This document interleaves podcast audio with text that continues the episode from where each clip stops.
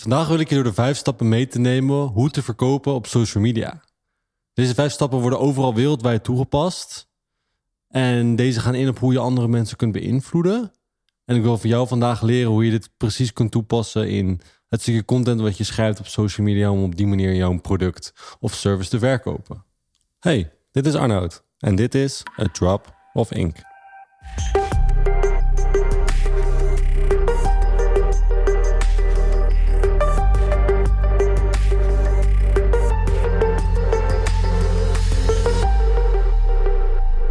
Je wilt van de ene kant van het voetbalveld naar de andere kant van het voetbalveld. En dat wil je doen door middel van te dribbelen. Om te kunnen scoren in het doel, om iemand te kunnen overtuigen, iemand te kunnen beïnvloeden, kunnen wij die 100 meter opdelen in vijf essentiële stukken. Onderdeel 1. Het identificeren en een connectie maken met een ander. En dit moet je zien als de eerste 40 meter. Onderdeel 1 begint bij het opbouwen van rapport. Een rapport is het moment dat jij iemand nieuw ontmoet, bijvoorbeeld een date of je ziet voor het eerst een therapeut. De eerste sessie en de eerste date neem je eigenlijk de tijd om elkaar te leren kennen. Van wie is die persoon? Wat vind jij leuk? Wat vind ik leuk? Wat vinden we interessant? Hebben we dingen die we allebei leuk vinden? Op het moment dat je zoiets vindt, dan praat je daar vaak meestal over door. Hè? Of als het gaat over hobby's of dingen in je vrije tijd. Dingen die je misschien in je werk doet. Misschien heb je zelf de baan. Deze dingen zoeken we op en we proberen gelijkenissen te vinden en te zien van is het iemand die bij me past? Gaat dit werken in de toekomst, ja of nee? En dat rapport bouwen. Alleen met content wordt het natuurlijk een stuk moeilijker, omdat we met content niet tegenover iemand zitten fysiek. We kunnen iemands lichaamstaal niet zien. We kunnen moeilijk zien hoe iemand spreekt, hoe iemand zijn toon of intonatie gebruikt. En al die zaken missen we nu. Dus hoe zorgen we ervoor in content op het moment dat we iemand willen bereiken, dat we iemand willen beïnvloeden op een goede manier, hoe kunnen we er dan voor zorgen dat we toch dat stukje rapport bouwen met iemand? En dit begint bij twee woorden: het woordje ik en het woordje ook. Als iemand kan zeggen ik ook in jouw content, zit op één lijn. En dat is het doel als we iets willen verkopen. Is dit het doel wat we als eerst willen bereiken? Dat iemand zegt ik ook. Denk bijvoorbeeld een evenement waar je naartoe bent geweest en je kent niet zoveel mensen. En je bent iemand die gaat helemaal gek op breien. En het evenement dat ging over een of andere business talk. En je probeert een beetje nieuwe mensen te leren kennen. Opeens hoor je het woord breien ergens hier achterin. En je draait je om en je ziet iemand praten. En je ziet iemand de beweging maken van breien. En je denkt, oh, die persoon moet ik hebben. En je loopt naar die persoon toe en je haakt aan. En op een gegeven moment staat er een gesprek. En een ontstaat een bepaalde connectie. En je voelt je fijn met die persoon, want je merkt die zit op één lijn. Wat jij leuk vindt, vind ik ook leuk. En misschien komt er wel iets uit wat je niet had verwacht. En onze oren staan er constant naar open van wat vindt die persoon leuk en wat vind ik leuk. En dat stukje connectie, dat is essentieel en de basis voor dat we überhaupt willen ontvangen van een ander. En er zijn een aantal stappen die je hierbij kunnen gebruiken. En stap 1 is het kennen van je doelgroep. Je moet huiswerk doen. Zo zeg ik het dan altijd. Op het moment dat jij wil dat mensen zeggen ik ook, moeten we weten hoe de doelgroep eruit ziet. Wat vinden hun ik ook over mij? Op het moment dat ik wat zeg, hoe kunnen hun dan zeggen ik ook? Als ik wat schrijf of als ik iets verbeeld in korte vorm van content, hoe kunnen ze ervoor zorgen dat mensen zeggen ik ook? En zie mensen niet als een groep, maar zie ze meer als persoonlijkheden, als karakters op het moment dat je op die manier je doelgroep gaat indelen, wordt het veel makkelijker om hier dingen in te vinden. Als je bijvoorbeeld de vraag stelt van waarom zijn mensen hier? Of wat is uniek aan deze groep mensen of aan deze karaktereigenschappen? Of waarom respecteer ik ze? Op het moment dat je zulke zaken uitspreekt en op zulke manier hun brein eigenlijk pikt en er stukjes uithaalt en dat voor hun zegt, dan denk je, oh ja, ik ook. En zo komen we bij stap 2, en dat is uitspreken. Dus stap 1 is kennen van je doelgroep. Je moet weten waarop hun ik ook kunnen zeggen in de eerste plek. En punt 2 is het uitspreken daarvan. En hier komt ook de term mind reading naar voren. En wat je doet is eigenlijk, je spreekt uit wat een ander denkt of voelt. En dat is waar we het snelste rapport op bouwen met iemand. En dat is de makkelijkste vorm in content. En op content zien we dat heel veel mensen dit proberen door een vraag te stellen aan het begin. Van hey, voel je dit ook? Of heb jij hier ook last van? Of is dit en dit en zus? Heel veel mensen begrijpen het aspect, maar direct een vraag stellen komt meestal verkeerd over, in het verkeerde gat. Dus wat je doet is, je spreekt het uit in plaats van dat je het vraagt. Zodat mensen zelf invulling kunnen geven van hey, ik ook. En dat ze niet zo'n gevoel hebben van oh, ik word verkocht. Stel dat jij moet spreken voor een groep donkere mensen en dan kun je zeggen, veel mensen denken hier wel, wat probeert deze kleine witte jongen hier ons de les te wijzen? Ze zullen vast denken dat hij nog nooit basketbal gespeeld heeft in zijn leven, maar dan hebben ze het verkeerd. Op het moment dat je zoiets uitspreekt, en dit is een simpel voorbeeld, wat er gebeurt is, het bouwt een stukje connectie op. Want je spreekt uit wat een ander misschien denkt. En wat je toevoegt, is een stukje wat bij die groep mensen hoort, bij die cultuur. En dan te zeggen, nee, je hebt het mis. Wat mensen dan denken, ah, weet je wel, deze jongen is prima. Hij weet waar dit over heeft en ik mag hem wel. En de reden waarom dit gevoel naar voren komt, is om ten eerste, je spreekt uit wat een ander denkt of voelt. En je trekt elkaar naar hetzelfde niveau, in plaats van dat je het gat groter maakt.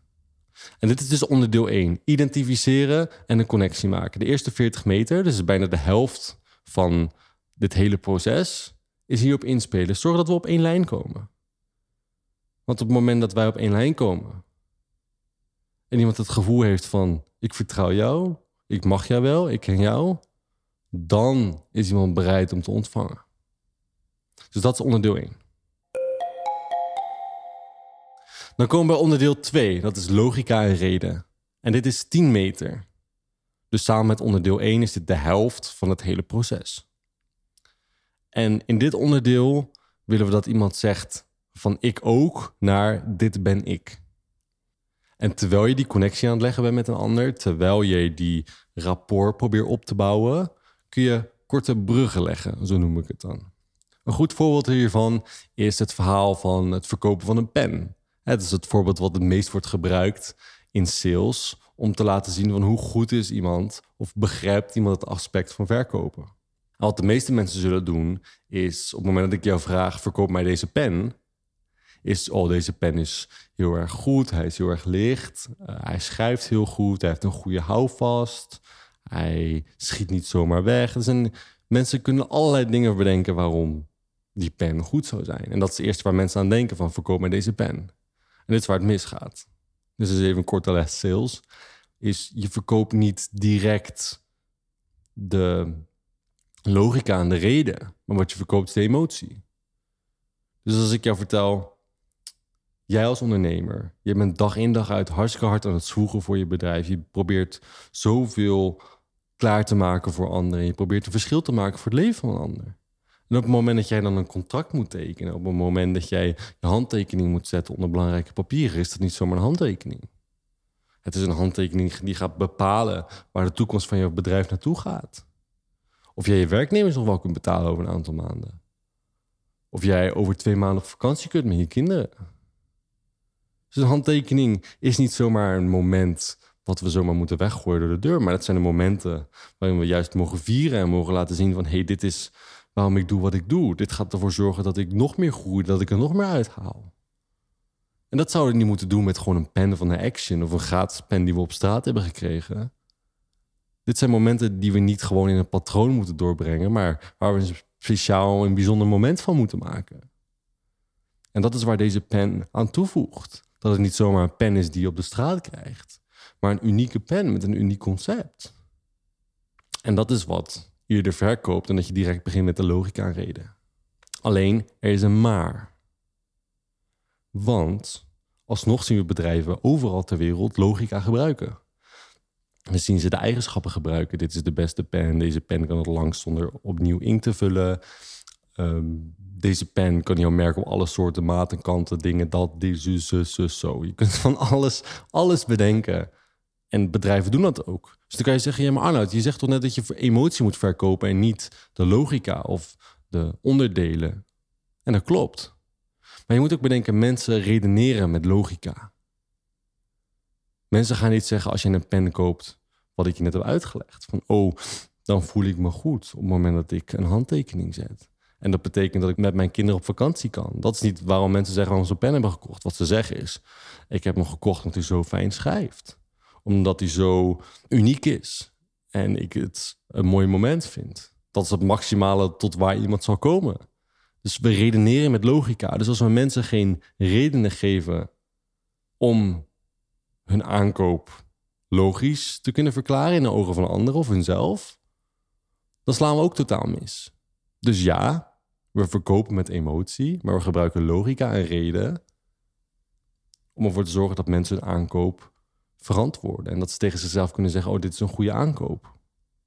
Dus we halen dat stukje niet helemaal weg, maar we gebruiken het om een stukje verantwoording te geven aan de persoon van hey, dit is een goede aankoop en dit is wat ik andere mensen kan vertellen.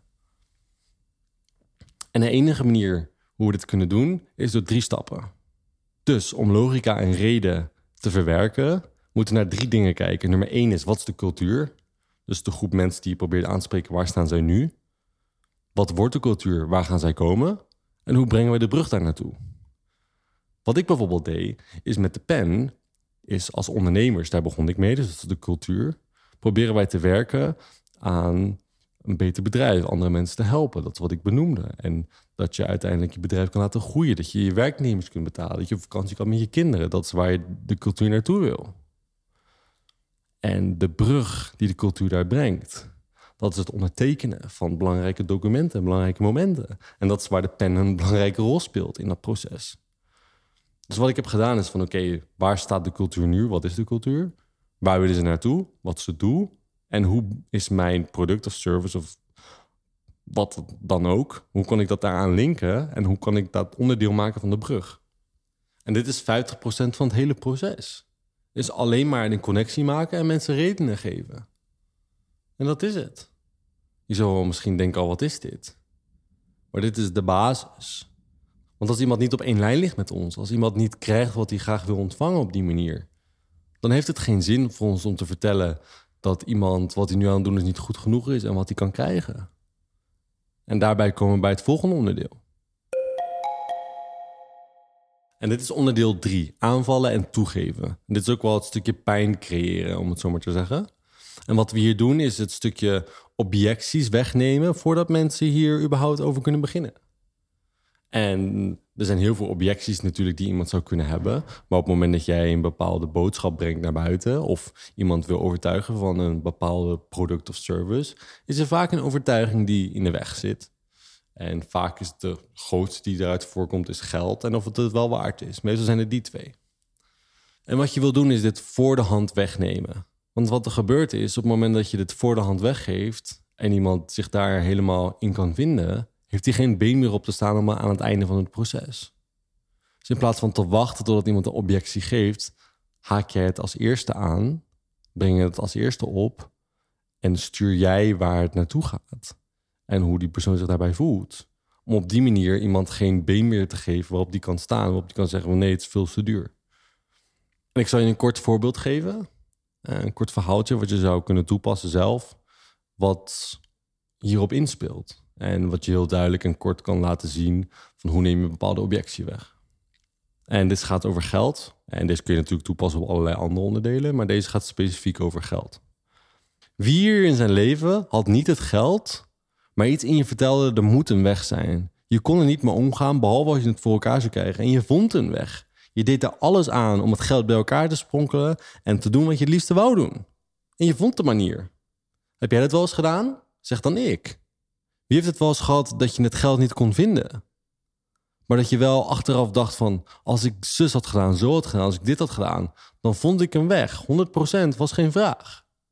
Als je dit herkent, zeg dan ik. Dus is geld er altijd als we er echt voor willen gaan, ja of nee? Als je weet dat dit echt waar is... dan kan niemand dit excuus meer gebruiken, inclusief mezelf. Want als ik dit doe, dan zou ik liegen. Maar ik ben geen leugenaar. Ik zou niet liegen als ik zeg het is moeilijk. Ik zou niet liegen als ik zou zeggen dat ik niet direct weet hoe ik aan het geld zou moeten komen. Maar om te zeggen dat ik het niet kan krijgen, dat is een enorme leugen. En wat dit doet, dit maakt het stukje geloof kapot van iemand. Want als iemand zegt, ja, ik herken mij hierin, en waarschijnlijk herken je hier vast ook in. En dan voel je van, ja, er is altijd een weg. Op het moment dat ik het echt belangrijk vind en er is een weg, dan ga ik ervoor. Dus aan het einde, op het moment dat ik een enorme geldbedrag ergens voor zou vragen, zou je hier nu niet meer op kunnen leunen als je dit herkent en dit hier ook echt voor staat. En dit kan je natuurlijk doen bij geld, bij tijd, bij investering, uh, vertrouwen. Er zijn een heel aantal dingen waar we dit bij kunnen toepassen. En van tevoren al deze dingen kunnen wegnemen. En vaak hebben we in content niet altijd de tijd om alles te kunnen benoemen. we zijn geen seminar aan het geven waarin we alle punten één voor één kunnen aanhaken. Maar wat we wel kunnen doen is er één aanspreken en daarop inspelen. En dit zou bijvoorbeeld een hele goede zijn om op terug te komen. En vooral wat je doet, is je creëert de associatie met leugenaar. Ik weet niet of je het door had. Maar op het moment dat jij nu aan het einde zegt, ja, maar ik heb het geld niet. Dat kan je niet meer zeggen, want anders dan zeg je tegen jezelf, oh, ik ben een leugenaar. Als je dit echt gelooft en hier verstond en dit herkende. En diep van binnen zegt ze bij, nee, ik ben geen leugenaar. Oké, dus onderdeel drie, aanvallen en toegeven. Dus het creëren van pijn. Kunnen we in drie stappen doen. Stap 1 is creëer herkenbaarheid. We moeten een situatie schetsen die iemand herkent. Anders dan wordt het heel erg lastig. Nummer twee is je creëert eenheid. Dus je betrekt alle groepen. Je zag natuurlijk dat ik vroeg van... Hey, herken je dat wel dat je als je de weg vond... dat je het echt kon vinden... en dat je alle moeite had gedaan om het geld bij elkaar te spokken... en het lukte je. Maar dat ik daarna ook vroeg van... stel je hebt het wel eens gehad... maar je kreeg het uiteindelijk niet voor elkaar om het geld bij elkaar te krijgen. En dat je dan achteraf dacht... oh, maar als ik zo en zo zou het me wel lukken. Wat ik op die manier doe, is ik breng de groepen bij elkaar. Dus in plaats van dat ik ze allemaal op één manier aanspreek... pak je verschillende stukken en soms is het binnen twee keer gedaan, soms drie of vier keer, om deze groepen bij elkaar te brengen en zo mensen hetzelfde standaard te geven en hetzelfde overtuiging. En stap drie is associëren een karakter. En dat is wat ik natuurlijk heb gedaan met het stukje leugenaar. Dat op het moment dat ik deze mensen mee kan nemen en ze zeggen ja, daarom vroeg ik ook, als je dit wel eens herkent, zeg dan ik en meerdere keren. En in content is het natuurlijk wat lastiger. Het is makkelijker als je directe interacties hebt. Maar als je in iemands hoofd iemand zelf kan laten antwoorden met ja, met een stukje logica. En dan associeert van oké, op het moment dat je er nu op terugkomt, dan ben je een leugenaar. Terwijl mensen net eerst ja zeiden, dan creëer je die associatie daarmee. Dus op het moment dat iemand dan zegt, ik heb het geld niet, ergens diep van binnen gaat er een alarmbel af en zegt, eh, nee, niet waar. Ik ben geen leugenaar, gaan we niet zeggen. En dat is de kracht van associatie. Dus die drie stappen. Stap 1 creëer kenbaarheid. Stap 2 creëer eenheid. Dus alle groepen bij elkaar. En stap 3, associeer een karakter, zoals leugenaar. En dan komen we bij onderdeel 4. En dit is de oplossing. Dit is 24,9 meter. Dus samen met onderdeel 3 is dit ook bijna de helft, behalve op 0,01 na. En dit is het stukje creëren van plezier. Dat als iemand dit wel doet, dat het voelt als de hemel. Dat is het gevoel wat we willen overbrengen dat als iemand actie neemt, meegaat, dat dat de plek is waar die persoon wil zijn. Dat dat het beeld is wat hij in zijn hoofd is, waar hij ooit naartoe wil komen. Dat jij de brug bent die hem daar brengt. En wat we hier doen is we maken gebruik van onderdeel 3 en 4.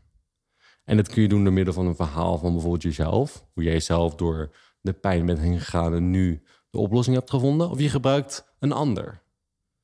En meestal is het fijn om een van de twee te gebruiken om zo iemand zichzelf erin te kunnen laten vinden. En dat het persoonlijk wordt. Dus als je jezelf kan gebruiken, gebruik jezelf. Als dat niet altijd direct kan, gebruik het verhaal van een ander. En ik zal je een kort voorbeeld geven van wat, hoe dit eruit zou kunnen zien. Stel, we hebben John. John die voelde zich niet goed. Die had enorm veel problemen thuis. Hij was gescheiden. Hij kon zijn kinderen maar één keer per twee weken zien. Financieel verloor hij zijn baan vanwege de scheiding. Het was net alsof hij helemaal was opgegeven. Hij kon er niet meer tegenaan. En toen ontmoette ik hem op de straat in Amsterdam. En hij vroeg om wat kleingeld. En ik gaf hem wat en ik nam de tijd om met hem te spreken en erachter te komen van waarom, waarom zit je hier? Wat is er gebeurd? En na zijn verhaal te hebben gehoord, dacht ik van ik moet meer doen. Ik moet hier iets uithalen. Dus ik ging aan de slag en kijken hoe kan ik deze man helpen. En normaal gesproken zou ik natuurlijk voor mijn werk kapitaal vragen. In dit geval was het tijd. Het kapitaal van hem was, ik wou tijd van hem. Ik wou dat hij tijd ging investeren in zichzelf. En wat we deden is, we gooiden de boeg om. Door het project wat ik hem aanbood, het stukje coaching sessie, wat er gebeurde is, hij kon zijn verleden een plek geven. Alle associaties die hij in zijn hoofd had gecreëerd van slecht, slecht is het einde van mijn leven, waren nu de plek van het begin. En opeens ging hij uit zichzelf, zonder dat ik hem daartoe aanzette. Ik was met het idee van ik ga hem gewoon helpen en coachen. Ging hij opeens zelf de straat op. Ging hij zich weer wassen, zijn tanden poetsen. Hij kleedt zich netjes aan. Ook al had hij niks, hij vond een manier om zich er goed uit te laten zien en goed zijn tanden te poetsen en verzorgen. Want dat gaf hem energie en een idee van als ik dit goed voor mezelf kan zorgen, dan kan de rest ook. Want als ik dit niet goed kan, wat kan ik dan wel? En toen ging hij solliciteren en hij kreeg een baan bij een supermarkt. En door daar een aantal maanden te werken en steeds beter het best te doen, ging je terugdenken: oké, wat voor opleiding heb ik gedaan? Waar, waar kan ik nu terecht met die opleiding? Hoe kan ik nu mijn visie volgen wat ik het liefste deed? En hij ging terug naar zijn school en ging een gesprek aan met zijn oude leraren. En die hebben hem stap voor stap geholpen om nu bij de baan te krijgen waar hij nu werkt als ingenieur. En de relatie met zijn ex-vrouw veranderde en hij was veel proactiever met de kinderen. En ze vonden nu een weg waardoor ze meer samen met hun kinderen konden zijn en dat hij vaker zijn kinderen kon zien. En alle problemen die hij eerst had, waren nu opeens verdwenen.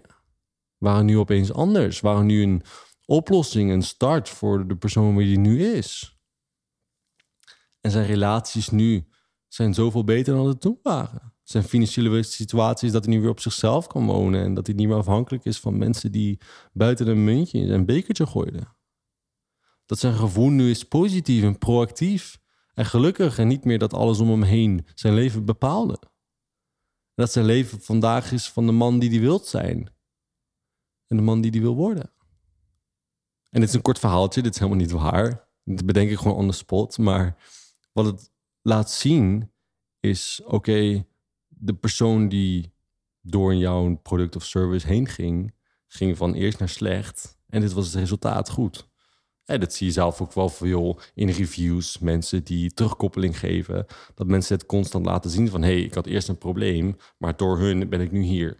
Dat is wat reviews zijn en waar ze uit bestaan. En je doet eigenlijk hetzelfde, alleen je gebruikt een verhaal van een ander ik zou er wel voor zorgen dat deze verhalen echt zijn. Dat je hier niet mee loopt te sjoemelen, zoals ik nu doe met het voorbeeld. En hoe je dit voor elkaar krijgt, gaat ook weer in drie stappen. En stap één is, je gaat een verhaal vertellen. Dus van jezelf of van een ander. Daar begint het mee. hoe, hoe ik het verhaal vertelde over de man op de straat, hoe ik hem tegenkwam. Zo. Mensen houden van verhalen. En het is dan niet direct net als een review, maar je geeft het over als een bepaalde situatie. Ze weten nog niet wat gaat komen, wat nieuwsgierigheid, uh, opwekt, waardoor je mee wordt genomen in het verhaal. Dus dat is stap 1. Stap 2 is het omschrijven van een slechte situatie. En wat er dan gebeurt, is echt je brein van nee, dit wil ik allemaal niet. Ik wil niet als die man die op de straat zit. Ik wil niet als zus en zus en zo. En dat is natuurlijk een heel extreem voorbeeld in dit geval. Maar stel mijn doelgroep was voor mensen die op straat leven. Zou dat een heel herkenbaar punt zijn. En misschien heel erg aanspreken. Dus je omschrijft de slechte situatie, wat er nu slecht aan is, hoe iemand zich daarbij voelt, wat het hem afneemt. En op het moment dat jij dit hoort in het publiek, denk je van ja, ik wil het niet. En je brein zegt nee, dat, hier neem ik geen genoegen mee. Dus je creëert een stukje pijn. En dan breng je de nieuwe situatie. Maar doordat deze persoon X, Y, Z heeft gedaan, heeft hij nu. En dat laat je een hele andere kant zien. Dus een stukje plezier wat iemand graag wil is het leven waar iemand naartoe wil. Dus je bouwt soort van de brug van oud naar nieuw. En je vertelt hoe dat nieuwe er dan uitziet. En wat dat die persoon kan brengen. En dat zijn de drie stappen. Dus je brengt de oplossing. Je gebruikt een verhaal van jezelf of een ander. En wat je doet is, je vertelt de slechte kant. En dan door het proces, door het product, door de service, door wat jouw rol mag zijn, hoe iemand zich daarna is. Wat voor plezier die heeft, waar hij dan in het leven staat, wat hij dan kan bereiken. En ik kom bij het laatste onderdeel, onderdeel 5, en dat is de call to action. Dat is de 0,1 meter. Dus is het mini-mini laatste stukje van het veld. Op het moment dat je deze hebt voltooid, ben je van kant A van het voetbalveld naar de andere kant gedribbeld. En dit hele proces, alles wat we nu hebben gedaan, zorgt ervoor dat iemand in een bepaalde staat terecht is gekomen. Dus wat we hebben gedaan, is we zitten op één lijn. Iemand mag ons. Iemand heeft redenen om te doen wat hij wil doen, dus de koop wat jij aanbiedt. Iemand heeft redenen om daarmee door te gaan, wat er ook gebeurt. Je hebt alle objecties weggehaald van iemand die in het proces zou kunnen denken van... oh, ik heb dit niet, oh, dat niet, maar zus, zo, zo, zo. Dus excuses neem je weg. En je creëert het beeld wat iemand kan zijn en waar die kan komen. En het laatste wat jij hoeft te doen, is één ding. Een vraag stellen. Want we kunnen dit alles doen, maar zonder dat we een vraag stellen. Zonder dat we vragen van, hey, ben je in of ben je uit? Gaan we dit doen, John, of gaan we dit niet doen? Als we niets vragen aan het einde, dan wordt het heel lastig om te verkopen. Om iemand echt daadwerkelijk mee te nemen en zijn probleem op te lossen. Want we bereiden dan iemand helemaal voor. We zetten iemand helemaal in de juiste staat. Maar als we dan niet vragen. En als het dan niet vanuit die persoon zelf komt van ja, ik wil het. Dan schiet er niet zoveel. Dus ook al is dit 0,1 meter. Ook al is dit het minst belangrijke van allemaal. Zonder de vraag hebben we er allemaal niks aan. Dus zorg dat je die vraag stelt op het einde. Want als je geen vraag stelt, gebeurt er ook niets. En daarnaast nog een belangrijke tip: hou deze volgorde aan. Dus onderdeel 1 tot en met 5, hou altijd deze volgorde aan. Want stel je begint bij onderdeel 3 en je gaat praten over de pijn die iemand heeft. Wat er gebeurt als iemand zus en zus en zo niet doet. Terwijl je nog helemaal niet op één lijn zit. Dan denk je echt van, wie is deze gast nou? Wat probeer je nou te verkopen? Weet je wel, dat, merk je en dat voel je op het moment dat iemand je wil proberen te verkopen. Dus als je niet op één lijn zit en iemand begint meteen te zeggen... ja, jij voelt je niet goed, je hebt dit niet, je hebt dat niet... omdat jij dit en dit en zus en zus en zo niet hebt. Maar ik heb dat wel. Dan denk je echt van, wie ben jij? Weet je wel, rot op. Dus dat werkt niet zo. Dus het is altijd onderdeel 1 tot en met 5 in deze volgorde. Dus onderdeel 1 is, ik hoop dat je hem nog weet. Ik ga ze nu voor jou één, één, één voor één herhalen. Onderdeel 1 is identificeren en een connectie maken. Dus dat is de eerste 40 meter. Dit is waar je rapport bouwt met iemand. Dus waar je de connectie bouwt met iemand. Waar zich iemand in jou kan vinden. En daarna hebben we het gehad over het stukje mindreading. Hoe kan je uitspreken wat iemand denkt of voelt? Dan kom je bij onderdeel 2, dat is logica en reden. Geef mensen de logica en reden om zichzelf te kunnen verantwoorden met bepaalde keuzes en de dingen die ze doen. En die kun je verwerken in de verhaaltjes en de dingen die je doet. Dan komen we bij onderdeel 3. Dat is aanvallen en toegeven. En dit is dat je eigenlijk de objecties van tevoren al weghaalt. En daarin ook het stukje pijn verwerkt wat iemand kan ervaren daarin. En dan kun je het hebben over geld, tijd, over algemene objecties. Maar je hebt natuurlijk ook specifieke objecties in jouw vak. Denk aan bij mij content is het vooral het stukje productieproces en tijd is bij mij heel groot. En in een andere vak is het weer iets heel anders. En onderdeel 4 was de oplossing. En dit is een stukje van plezier. Dus je neemt een karakter, dus dat kan je zelf zijn of iemand anders. En daarin vertel je een verhaal. En omschrijf je een bepaalde situatie, wat je brein niet wil wat je brein wel wil. En jij bent de brug daartussen. En als laatste onderdeel 5 is de call to action. Is jij vraagt of iemand na al deze informatie met jou op pad wil gaan. En dat is het. Dat is wat we in content kunnen doen. En dit is gewoon proberen, aanpassen, sturen, kijken wat werkt. Een groot onderdeel hiervan is kennen, het kennen van je doelgroep. Want als je die niet goed kent en niet goed weet wat hun pijnpunten zijn, niet goed weet wat hun motiveert, niet goed weet wat hun belangrijk vinden, dan is het heel moeilijk om op deze punten allemaal aan te haken. Dus weet wie je doelgroep is, begin daar, pas deze vijf stappen toe en ga ermee spelen. Probeer wat. Maar elke post die je online ziet van mensen die weten wat ze doen in de sales, zijn het altijd deze vijf stappen waar je doorheen gaat. Dus probeer ze, neem ze uit. Ik hoop dat je van wat hebt geleerd, maar bovenal dat je er wat mee doet.